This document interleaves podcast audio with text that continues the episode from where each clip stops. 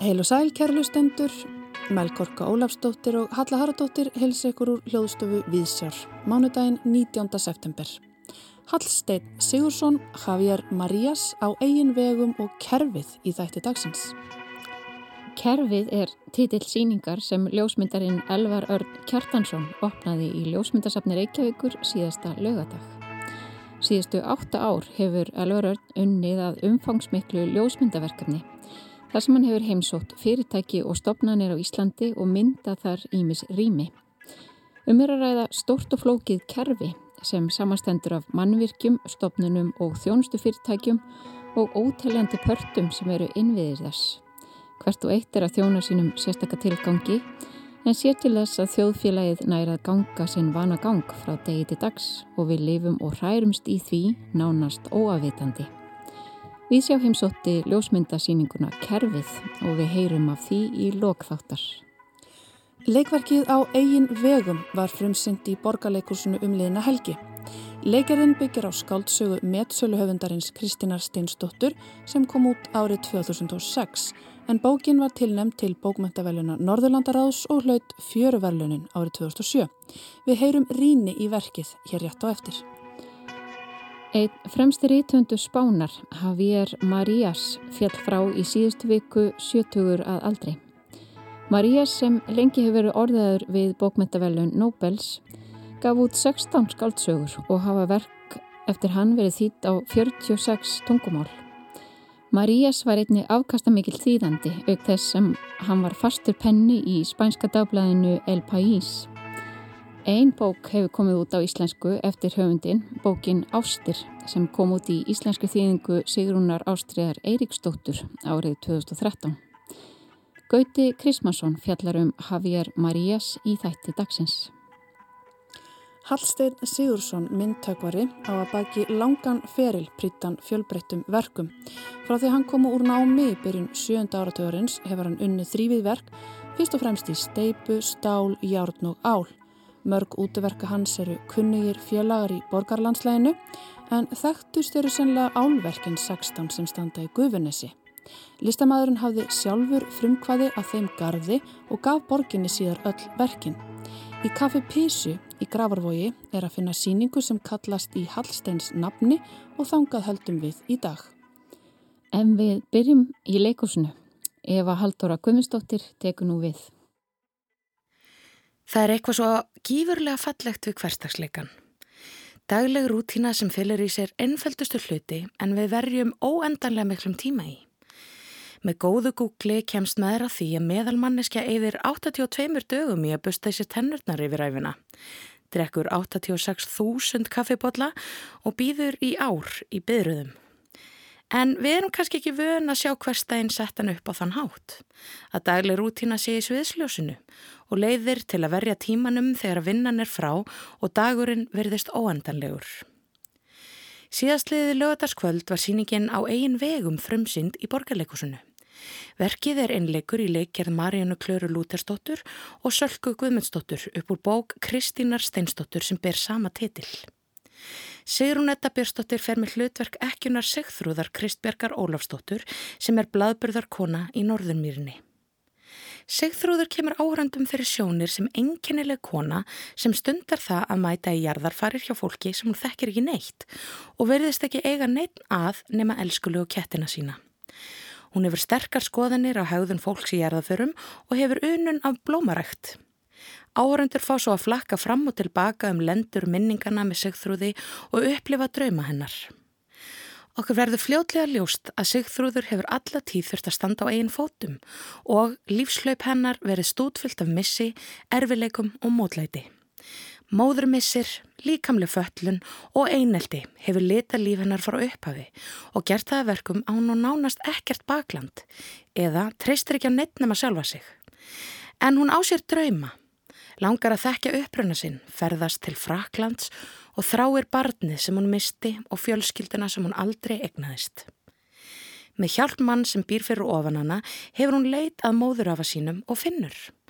Í hnótskurð mætti segja að sagan sé eins konar þroska saga eldri konu sem loksins hefur tíma og rými til að finna sjálfa sig. Sviðsetning verksins er ævintýraleg og barnileg á góðan hátt.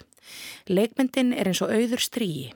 Á stryganum er búið að koma fyrir húsgagnum og hlutum úr íbúð sigþróðar en þegar hún hverfur með okkur inn í minningu eða ímyndiða veröld byrtist hugarheimur hennar dansandi á stryganum í formi myndbanda og mynda. Egil Sæbjörnsson myndlistamæður gefur þessum minningum ævintýralegan blæ með teknimyndastíl og líflegu litavali. Hljóðheimur og tónlistverksins er í höndum Sólegar Guðmustóttur og rýma vel við leikmyndina og íta undir jákvæða upplifun áhöranda. Samspil lýsingar, hljóðheims og leikmyndar hefur skemmtilega áhrif á skinnfærin. Áhörandin finnur nánast fyrir slittunni berri á andlitinu þegar Sigþrúður gengur millir húsa með morgunblæðið í myrkrinu og finnur kaffiilminn þegar hún situr á kollinum í elduskroknum að södra. Saga Sigþróðar er alls ekki stórbrotin eða einstök. Ég held að það þurfi ekki að leita lengi að mannesku sem hefur upplifað svipaða eða sömu hluti og hún. Mætti segja að sagan sé heldur hverstagsleg og er það með ráðum gert að nota sögu hennar til að beina sjónum okkar að kvöndagsharminum eða hverstagslegum draumum konu sem er að öllu leiti ósýnileg í samfélaginu. Stefán Jónsson leikstöru verksins hefur náða að leiða saman hópin og skapa ánægilega tókstreitu millir hverstagsleikans og litskrúðugra draumúra. Verkið er taktfast og skemmtilegt og heldur manni allan tíman þrátt fyrir að maður finni áþreifanlega fyrir tímanum í verkinu. Rútína sigþrúðar gerir það verkum að áhörfundur finna tíma dagstaglara skilduverka líða hægt hjá en svo er rútínan brotin upp með minningum sigþrúðar úr æsku, úr hjónabandi hennar, af einu ástin hennar og barnsmissi hennar. Sigrún Edda Björnsdóttir hefur lengi vel verið eina mínum uppáhaldsleikonum. Ég varð held í hugfóngin af henni þegar hún leik bólu og mér óglimanleg í gullregni. Hennar fræga komiska tímasetninga glæðir hlutverk sigþrúðar lífi. Húmor og gletni gera það verkum að við dveljum ekki í því að hún sé eina báti í lífinu. Innra líf Sigþrúðar er kjarni verksins og kallar hlutverkið á leikonu eins og Sigrunættu. Þetta er fyrsti einleikurinn sem Sigrunætta leikur í og gerur hún það stórkostlega. Hún flakkar fram og tilbaka í æfiskeiði Sigþrúðar eins og ekkert sé og holdgast í litla telpu, úling, konu og kjertlingu. Svipriði hennar og núansar í tólkun eru frábærir. Stundum fór ég að evast um hvort þeir geti treyst frásagt sigþrúðar. Mörg draumúra, minninga og skinnjunar á raunveruleika verður óljós. Áhörfandi sér að mögulega hafi fullarna fólki í kringum hana þegar hún var barn, ekki sagt henni alla söguna af uppruna hennar. Hún ekki þórað að spyrja eða ekki vilja heyra svörin. Ég vildi að það hefði verið leiki meira með þessi mörg. Ég hefði viljað að leit hennar að móður fjölskyldunni og barnsmisserinn hefði fengið aðeins meira rými í verkinu. En eins og áður sagði er áhersla verksins önnur en harmurinn. Það er að beina sjónum að konunni sem alla tíð hefur verið litið fram hjá. En ef áfall eins og það að fæða andvana barn hefði verið stækkað, hefði við sem áhörundur tengst sig þrúði enn meira og skilið hana betur. Konur og fólk með leg sem hafa gengið í gegnum þetta vita að þetta letar alla tilveruna.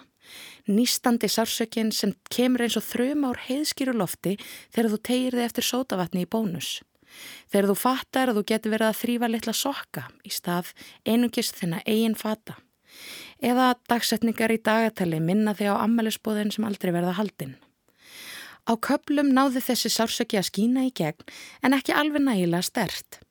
Kanski er ég bara svona dramatísk að vilja velta mér upp úr sásökuðunar en ég uppliði að jafnvel hefði þurft að búa til rými í handreitinu á fleiri stöðum og þannig stíga betur inn í áfallið og til að diffka verkið. Á eigin vegum sínur okkur að hverstansleikin er stórkostlegur, astnalegur, skemmtilegur, fyndin, lítilfjörlegur og allt þar á milli en vel þess verði að beina sjónum okkar að. Hvert og eitt æfiskeið er magnað. Fólkið sem við hunsum í strætó, sem verslar samhliða okkur í matin og reynir að spjalla í pottinum á sér sögu. Hvenn fólk kannast vel við það að hafa ekki fengið að vera í sviðsljósunu og sögur hvenna ekki skipti af miklu máli og karla. Og segþrúður af þeirri kynnslóð sem ekki tók sér pláss vildi ekki vera ábyrrandi því það var ekki hvenlegt. Hún var einni lítilmagni, átti ekkert bakland og það er svona enginn til að styðjana í sársöka hennar nýja tilbúin að láta hann skipta máli. Þetta verk á erindi við okkur öll því við erum gjörn að bera það fyrir okkur að harmur annara kom okkur ekki við en hann gerir það svo sannlega. Því er ég virkilega ánað að þetta verk sé sett upp í borgarleikusinu. Sérstaklega ljósið þess að einkomst undan var sett upp á síðasta leikári. Borgarleikusið ætlar greinilega að gera sitt til að auka fjölbreytileika á sviðinu með valil á hlutverkum kvenna, þá sér í lagi eldri kvenna og verkum kvenn höfunda. Að konur sem eru eldri en 35 ára fái bitastæðari hlutverk sem eru ekki bara auka hlutverk og verk kvenna séu sviðsett. Það er skemmtilegt að sögur kvenna sem fengið hafa takmarka rými í samfélaginu séu dregnar fram í sviðsljósið. Þó svo ég hafi viljað örlítið dýbri tilfinningarlega tengingu við sigþrúði er verkið hjartnæmt og krútlegt. Og það er fallegt og mikilvægt að skegnast inn í líf ósýnilegu kærlingarinnar í kjallaranum. Sagði Eva Haldóra Guðmundsdóttir um síninguna á eigin vegum sem frumsýnd var í borgarleikusinu um helgina. En þá höldum við í gráfinn.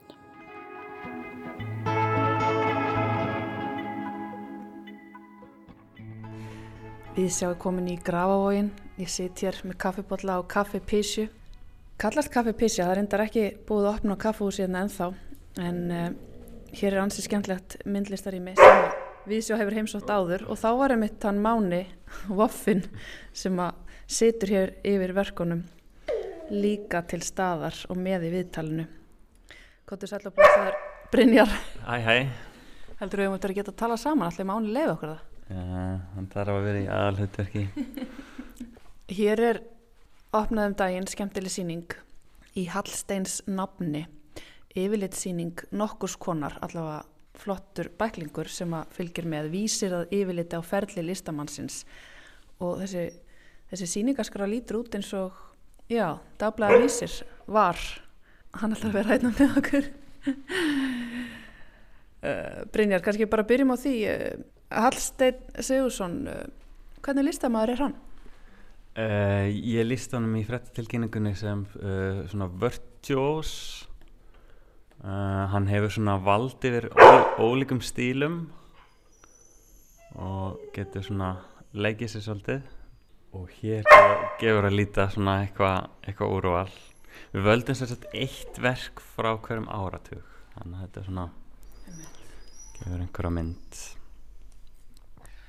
Ég sá í hérna síningaskránu að hann er ekki kallaður hérna skulduristi, þið notið alltaf orðið myndhögvari sem ég finnst hérna daldi fallegt.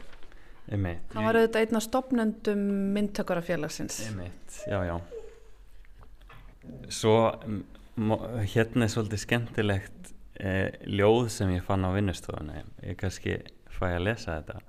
Þetta er eftir Guðmund Böðvarsson og ef hans draugur mælti með illt og meinlegt glott þið ætti þó að gruna járnsmiðst hetur að allt það sem þú gjörðir var aldrei nógu gott og aðrir hefðu gjört það miklu betur Þetta er svona svolítið lýsandi fyrir Hallstein hans uh, hóværð uh, en hann er náttúrulega uh, afreika mikið á sínum ferli. Hvað kom til að þú ákvæmst að setja upp síningu á verkum Hallsteins núna? Við vorum að hugsa um svona hverfislistamann einhvern sem að hefði tengingu hérna í gráin og hérna eru náttúrulega hans uh, myndir upp á holtinu eins og margir þekkja. Það er daldið skemmtileg eða margslungin saga á bakvið það. Af hverju þessi verk, hvað eru það aftur mörg? Þau eru 16 16 En á tímabili voru það fleiri ábyggilega, þetta var svona vinnustofa í raun og veru bara. Getur þú kannski rifjað upp fyrir okkur hvað, hvernig það kom til að þessi verk enduðu þarna? Um, Við það var eitthvað með sko, er þetta ekki í einhverju viðtalíkum uh, Hann hérna, já býtu svæðið var einhvern veginn uh, ekki hérna hægt að vera með byggð þarna í Gufinesnu Já, það, var, það voru ykkurar hugmyndur upp um það að það væri of hættulegt að hafa íbúabyggð við vesmiðuna á meðan hún væri starfandi.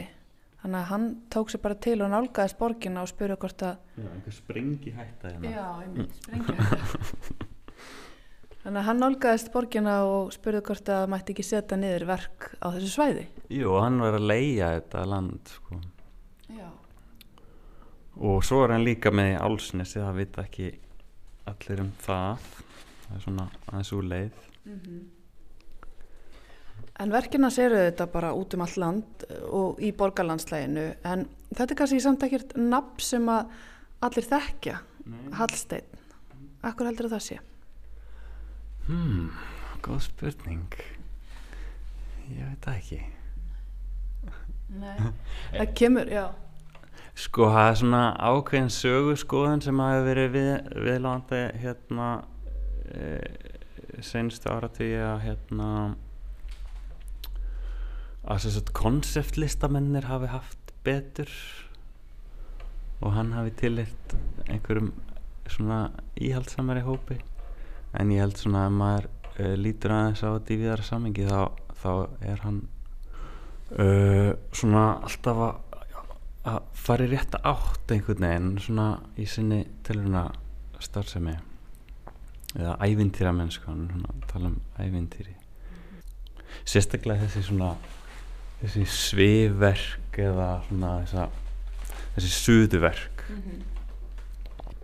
ég myndi mér samt að hann hafi verið svona kannski meira nafn á tíunda áratögnum þá hafa hann verið með svolítið að sýningum e, á kjárvalstöðum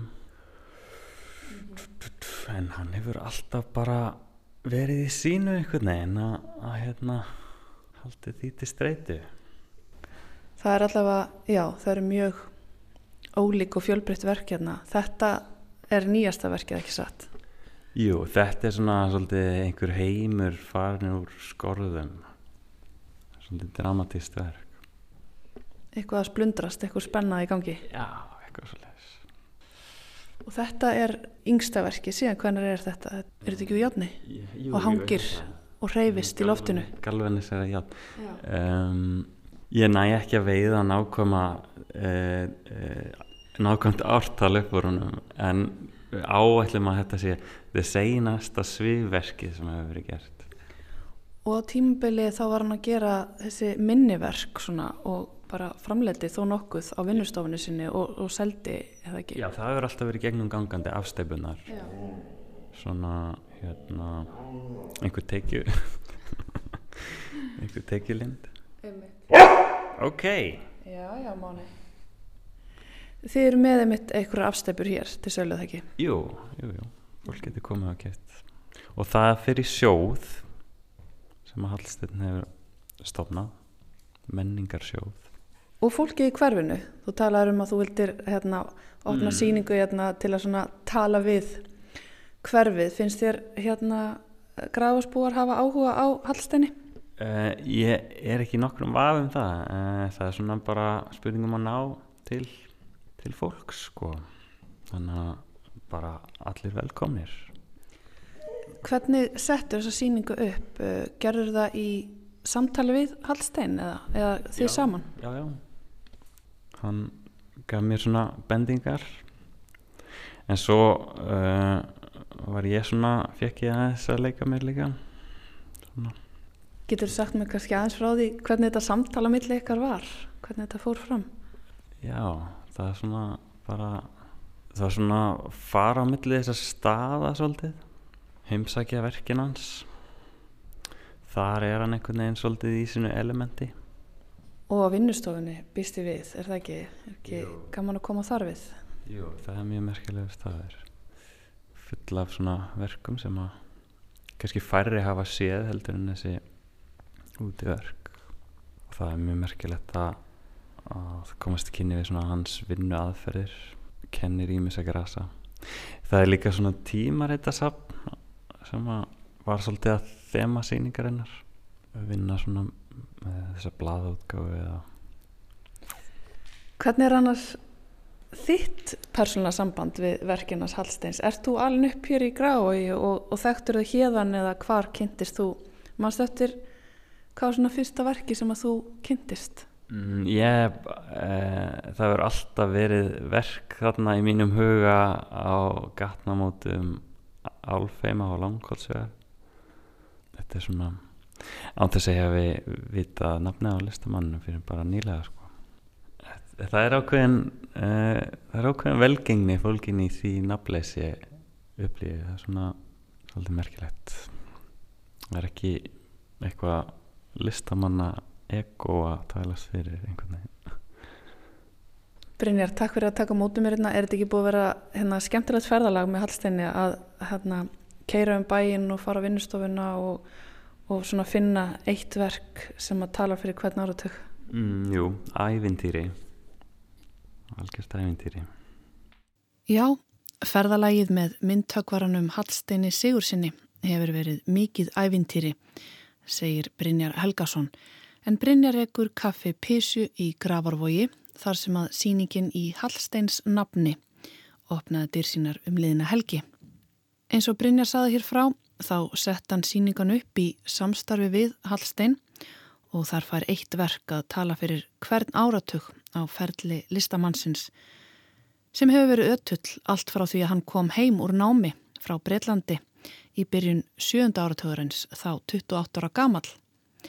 Eins og Brynjar bent á í viðtalinu þá hefur ákveðin sögurskoðun mögulega orðið til þess að nafn Hallsteins hefur ekki verið fyrirferða mikið í tekstum tengdum listasögu en verkin eru samt þekkt þó nafn listamannsins kom ekki strax upp í hugan kannski vegna þess að egoið hefur ekki flegst mikið fyrir honum eins og Brynjar benti einnig á. En hvað sem því líður þá þekkja líklega flestir borgarbúarverkin sem að standa í holdinu í gravarvogi til móts við sundin og esjuna þaksi listamanninum sjálfum en það var algjörlega fyrir hans frumkvæði að verkin voru sett upp á sínum tíma. Það kemur fram í síningaskar á síningarinnar að fyrstu verkin voru sett þar upp árið 1989 árið sem að Hallstein fjekk útlutað landinu undir stittunar. En vegna sprengjuhættu frá ábyrðavesmiðunni var á þeim tíma ekki huguð byggð á svæðinu. Svo Hallstein stakk upp á því við borgina að setja þar niður stittugarð og það varð úr. Með því skilir þið að hann legði landið sem hann gerði. Í þá daga var landið ekki vel gróið svo að Hallstein fórþangar reglulega á gömlum villisjappa með grasfræ á vorin og sláttu vel á sumrin. En hann hugsaði ekki einungus um landið og setti sjálfur upp allar stitturnar heldur greitti hann einnig allan kostnáður eigin vasa svo að borgin hefur svo sannarlega notið elju þessa listamanns og ástriðu hans fyrir listinni. Og við borgarbúar njótum verkana og við viðsjá mælum hér bæði með síningunni í Kaffi Písju og göngutúr um Hallsteinskarð í Gufunesi. Og áður en lengra er haldið skulum við heyra eitt lag af nýjútkomunni Plötu tónlistarkonunar Heklu Magnúsdóttur. Þetta er lægið The Hole af plötunni Shoo e Har. Platan fekk mjög lófsamlega dóma í Guardian í vikunni og vakt ekki síst aðtikli fyrir frumlega nótkun á ofinnilega hljóðfærinu Þeramín.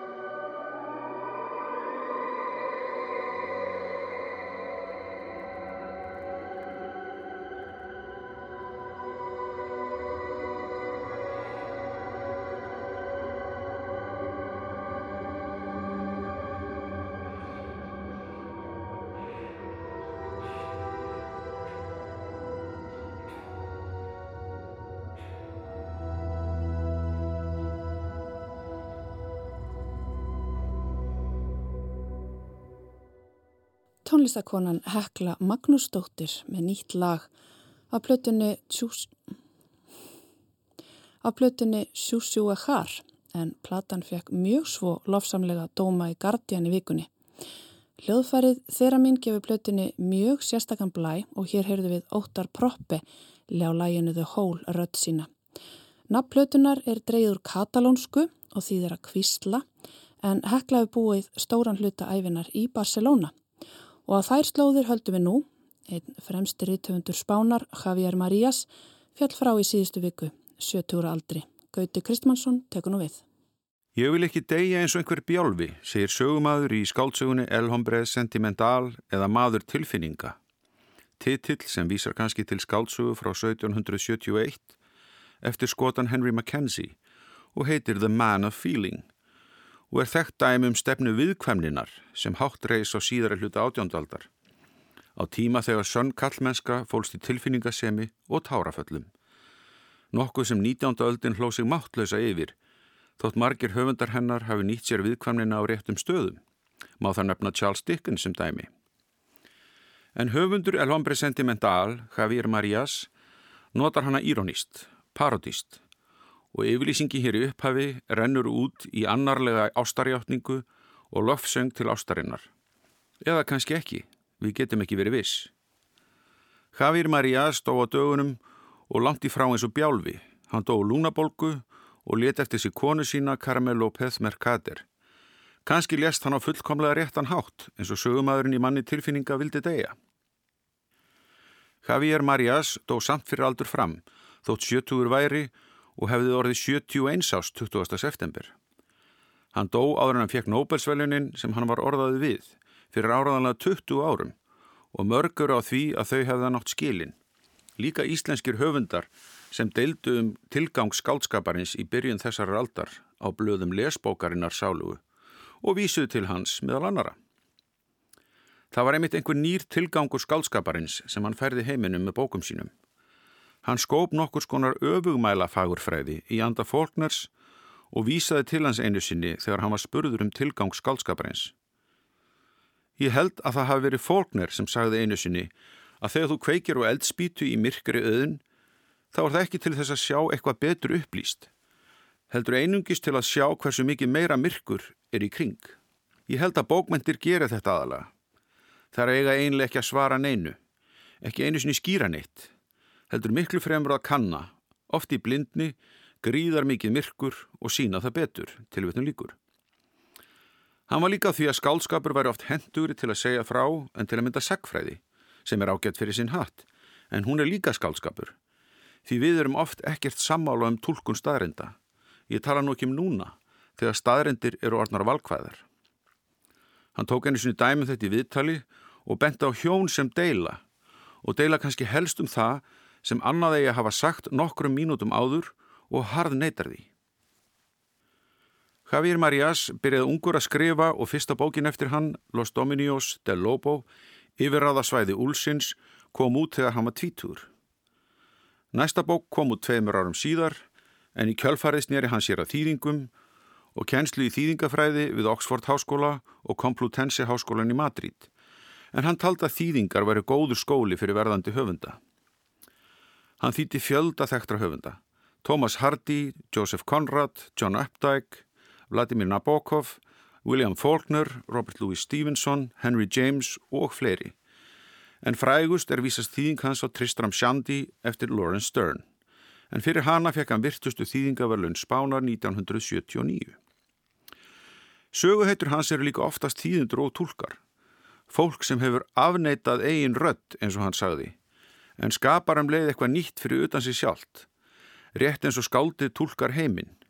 Dálítið í anda orða romantíska skáldsins Novalis sem sagði að allur skáldskapur væri þýðing.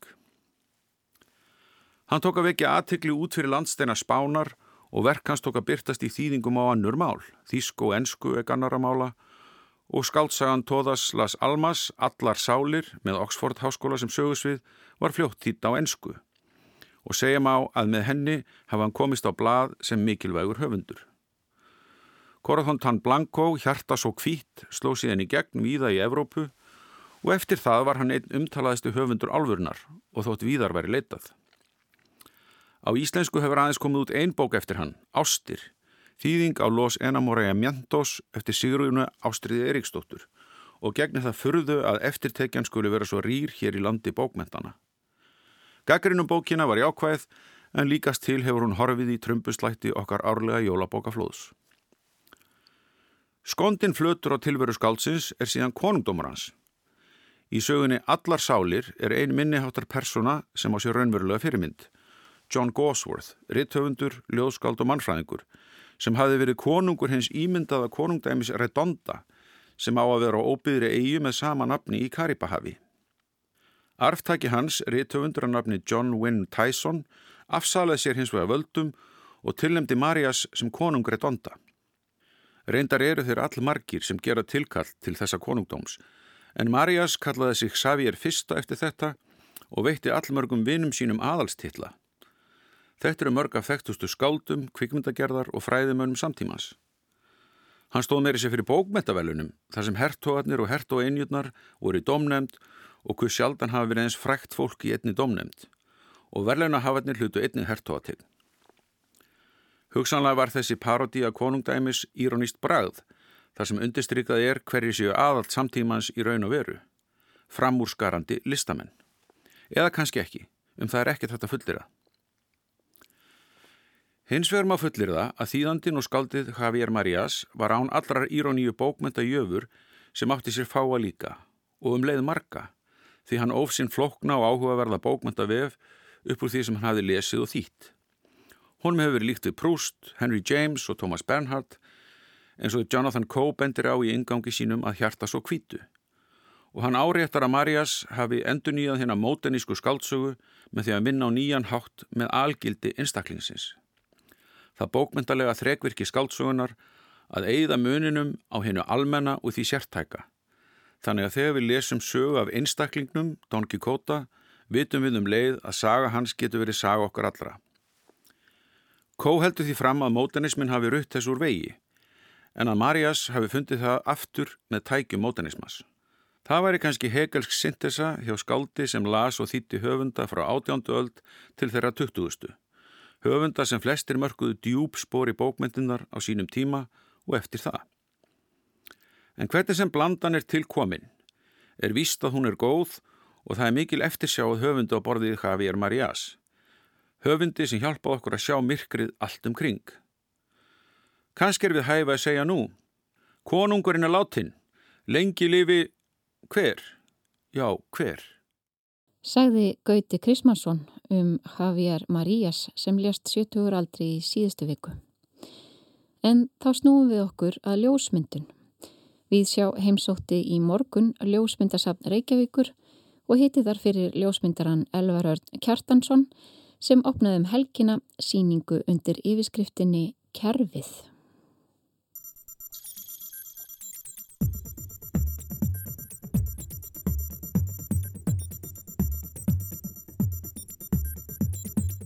Þetta er eitt stór kerfi sem hérna, við, við hérna, fæðumst inn í og, og förum í gegnum allt okkur líf og uh, akkurat fyrir þetta viðtal þá var ég stattur í Hafnafjörði við Helgafelli Suðumbústað og uh, var fastur nánast í umferð allarleið til sapsins og það er þetta rosa kerfi sem allir vakna við og þurfa að fara í. Það er kerfið sko vegakerfið, eh, hvort sem er þetta á bíl eða lappandi eða hjóli. Það fylgir við sem við lögmálum og sérstaklega í dag í rigningunni þá held ég myndi aldrei komast ykkar en ég kom akkurat tvei mjögundur fyrir tíman og hérna þarna finnum við fyrir kerfinu sko. oftast er kerfið svona hálf hulið og þar til að við lendum í byrjuðinu hvort það sé byrjuð út af hérna, e, vegakerfið er ekki nóg vel byggt upp eða þá að, að það eru vegafrangaldir og þar setjum við að býðum og hugsa um hvað er í gangi. Skatturinn tóm skrifstofa með hérna, reikni vel að borðinu sko. samgöngur við hefum með strætó, strætóinn og flugvilar dekja verkstæði sko. þetta er þetta rosalega mikið vekt og Hér eru alls konar kerfi, það er matvælakerfi, það er skólakerfi, það er alþingi, það eru heilbriðiskerfið og rustlið og Lögreglan. lögreglan. Þetta er svona, ég hefði, hefði getað haldið áfram nokkur ára að taka myndir eh, tengt þessu verkefni en eh, það var opnið núna 17. þannig að ég þurfti að stoppa. En er ekki líka kerfið oft þannig að við viljum helst ekki vita að því? Það er einmitt eh, það sem þessi síning, þetta verkefni fjallar um. Það er myndirnar teknar án fólks en verkefni fjallar um einstaklingin í kerfinu sko. Við förum í getnum, kerfið og ætlumst til að það virki, allt virki 100%. Eh, það er ekki fyrir en eins og við tölum áður að einhvað gerist í kerfinu að það virki ekki. Að hérna við förum að finna fyrir því og líka sko við kvörtund aldrei mikið. Þegar netið dettur út eða, eða vegakerfi virkar ekki sko þá svona förum við að kvarta og ringja einhvert í hérna borgina svo sem sérum það og sérstaklega með ruslið sko þegar ég var hérna í vetur um, að vinna þessu verkefni senustu myndatökur þá komst ruslabillin ekki inn gutan í yfir eina hálfa viku sko. Það bara sapnaði þessu rusli allstaður og allir voru að ringja og dóttur mín komst inn e, í skiptubarði hjá hérna Sorpi hvar það var. Og þá bara var sagt bara að það er öll borgin að ringja og þarna sjáum við að kerfið svona við svona förum að vekkin og finnum fyrir kerfinu og, og hérna einstaklega vill að allt virki en, en þetta er rosalega flóki kerfi og hérna erfitt að stýra því. Fyrstu myndina tók ég 2016 og þetta er búið að vera langur far, farfu til uh, dagsins dag og uh, í byrjun svona tók ég ákvörðun að hafa ekkert fólk og uh, sína, sína umgjörðina vekkina á okkar lífi og hérna fólk kemur og fer og eftir standa, standa innviðinir mm. tilbúna, tilbúna fyrir næsta, næsta hol mm. hvort það sem sé ríkistjórnaskrifstofan eða skólanir og hérna og alla myndir eru teknar með sko 50 mm linsu sem er svona sama sjónarhórna við sjáum með okkar augum og all, alla línur eru beinar og þannig að ég hef, hef svona sama, sama prinsip í öllum myndunum til þess að hafa leikreglu verkefninsins alla leið. Þarna er reglur kerfisins í allt laga, lagasafn alþingis. Ég fekk leiði frá alþingi að prenta, eh, prenta verk þannig að þetta eru það, þú valla getur lesið þessa skrólur og ég er búin að taka öll bíl á milli orða.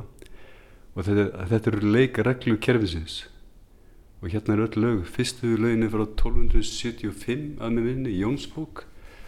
Og þar fjallaði um, hvað, hvaða reglur gilda þegar hestur kemur á þína jörð. Hvað, hvernig þú getur eignaðir hestin sko. hversu langu tími þarf að líða þar til að þú getur já, sett uh, þína eigna hestin og byrja að nota hann eða, eða slátra hann og getið hann sko. Og þetta svona, eru, þetta er smáa letrið í, í okkar lífi. Þegar við gerum samninga uh, þegar við gerum, kaupum bíl eða hvað sem er það er alltaf smáa letrið í samninginu sko. Ef einhvað gerist með, með eignina í bílinn og þú kemur tilbaka og allar að skila og þá segir sögluðarinn að þú last ekki smálitri það stendur hérna að þú getur ekki þetta og þetta og þetta. Og þetta er svona smálitri ef við brjótum að okkur í kerfinu eða borgum ekki skuldir eða hvað sem er þá er alltaf einhverja reglur í, í smálitrinu hérna, sem segir til um hvernig við þurfum að hérna, hvað þarf að gera við þig sem einstakling eh, ef við brítum regluna sko. Og það er alveg ótrúlega reglur í þessu smá leikri sem við lýsum allir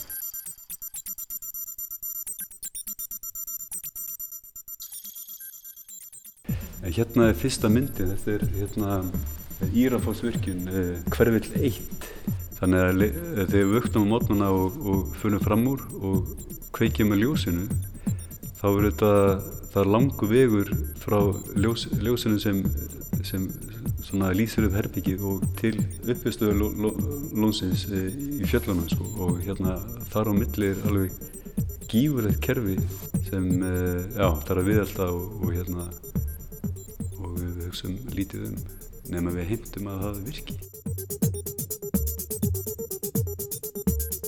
Það myndið hérna sko, þetta eru fæðingadildin og hérna líkbrennslu opnanir og uh, þarna, þarna á milli, milli þessara mynda hérna sko, það er þetta tómt, uh, tómt bíl og það er, það er bara lífið sko, það sem við förum í getum allt kerfið. Og hérna þannig að þegar ég var í hérna kirkjökorunum þá svona var eitt opnun í gangi og fannst erfitt að skrítið að vera inni sko en svona síðan voru þeir að segja mig frá hvernig allt uh, virkaði og svona og, og hérna og ég hugsaði bara og síðan sagði bara einhver þarf að vinna þessa vinnu sko einhver, það er alltaf einhver sem það gera allt í kerfinu sko, ég meina hvað sem það er sko Hefur þetta breytt einhvern veginn þinni nálgun bara í lífinu að, að vera að vinna þessu verkefni?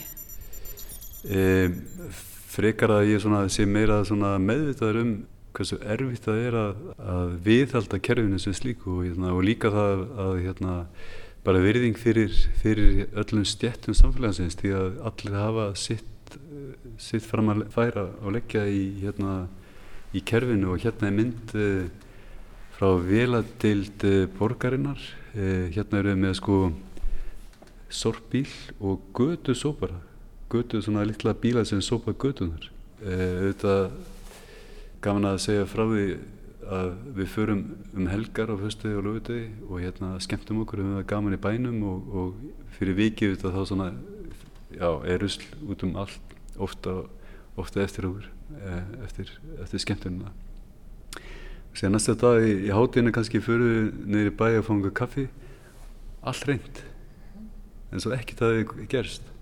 Og það er þetta einhver sem þarf að gera það vinnu og einhver sem þarf að hérna hreinsa bæin og hérna og síðan er sorpa hérna og terra, terra hérna sorphreinsustöðar og, og hérna þetta er einhver að taka rusli og Elvar hefur verið búsettur í Núk á Grænlandi frá árinu 2015 þar sem hann hefur unnið að ýmsum verkefnum og síningum tengtum veiðumönnum Um 16.000 mann sem búið í Núk og það er þetta, í Núk höfum við allt sem við höfum hérna í Reykjavík þetta er bara miklu, miklu minni, minni skali og hérna e, fólk heldur ofta að núksi bara lítið veðmanna bær en já, en síðan er þetta bara vestarann borg, ekki borg en, en e, bær.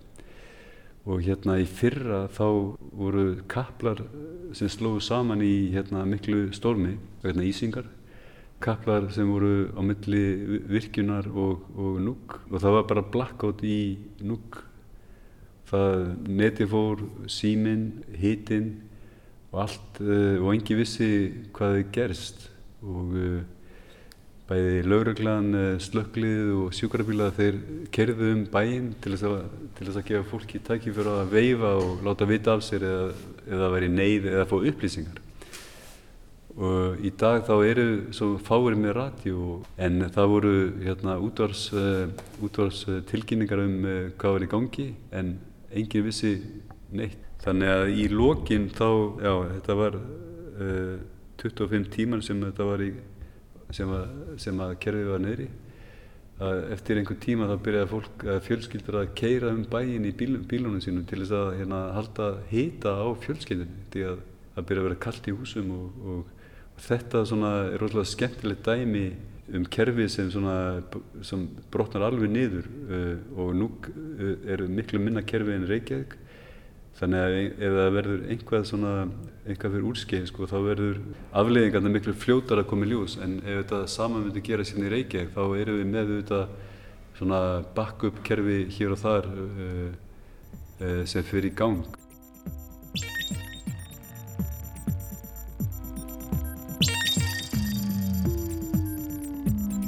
Við stöndum hérna fyrir framann mynd úr kirkju.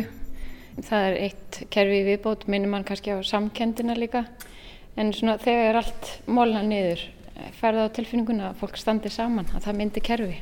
Já, það eru þetta hérna í neyð þá svona kemur maðurinn saman og hérna því að í lókinu auðvitað þurfum við á hverjum öðrum að halda til að komast, komast áfram og skemmtilegt frá því að segja að hérna ég var að taka þessa mynd hérna þá, þá hérna var ég að skýra út uh, konseptið eða sko hérna hugmyndan baki kerfið eða þetta verk mitt og presturinn hann hann svona lítið upp á allt reitt og hann sagði þetta er aðstað kerfið sko og ég sagði hvað gerir það? Það er Guð og ég sagði það, er alveg hárrið það er sko. það var svona skemmtilegt að hérna, hitta fólk á bæði stopnunum og fyrirtækjum sem svona, sem svona höfðu svo mikið áhuga á þessu konsepti með kerfið og hérna því að það er svo, það er ekki já, auðvitað fólk hugsa um þetta en, en, en svona dagstaglega sko þá bara förum við gegnum daginn á þess að svona spá mikið í þessu.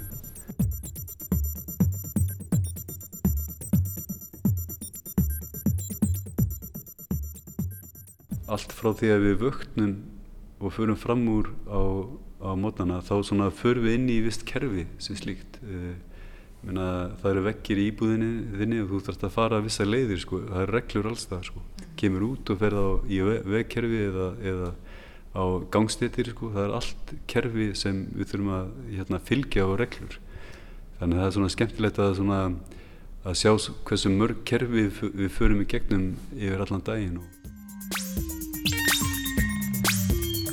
Finnst þér við verða kannski ómeðutæri og ómeðutæri um þetta kerfi? Nú reyðjustu fyrir mér lofstar hans andrasnæs þar sem að fólk var bara háð eitthvað svona handfrjálsu kerfi.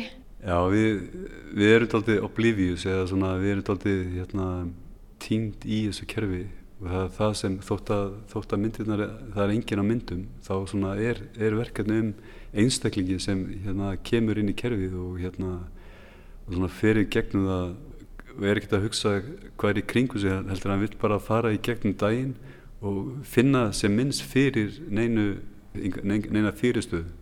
Og við borgum eitthvað skatt og, og hérna ætlumstöðu til að allt virki og hérna og síðan fyrir maður og, og hérna hugsa um hversu erfitt það er ég menna fyrir borgina og, og hérna vegafrængandir og allt þetta að svona viðhalda kerfinu og og láta það ganga án þess að þú finnir neitt fyrir því sko.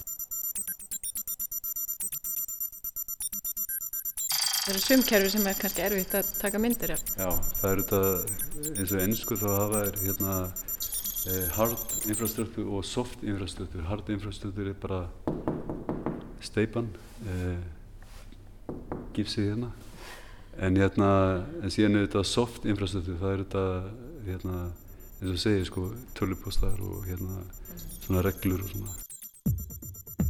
Þessi tvö kerfi hérna þetta er hérna þetta er skólpið og síðan er skjala uh, þjóðskjálasafnið og þetta er svona dæmi mjög einfalt kerfi. Það er rör, síðan eru greinar út frá rörunu þannig að einhvað fyrir inn, ég menna skólpið eða vatn eða hvað sem það er. Og síðan fer það í tvær áttir sko. Þannig að þetta er svona uh, lýsandi dæmi fyrir mjög einfalt kerfið og hérna eru við með sko skjala sapn eða eh, fullt af möppum og, og hérna og skuffum og þetta er svona flóki kerfi sko þannig að ef þú ætlar að finna einhvað plagg sko þá þarf þetta að fara í getnum e, tölvukerfi eða, eða flettaði upp sko. Þannig að það er miklu svona flóknara kerfi að komast í gegnum. En vatnið það bara fer inn á einu stað og síðan út á öðru stað En svona flókinkerfi, þau geta bara tekið yfir og maður bara missir eða hvað? Já, alveg, sérstaklega núna eru þeir að hérna, færa allt paprískerfi hérna, yfir í hérna, stafrænt form og, hérna, og það er svona mjúkt, mjúkt, mjúkt uh, mjúkir innviðir og, og síðan auðvitað er hættað að það auðvitað dett út hverfi í þetta.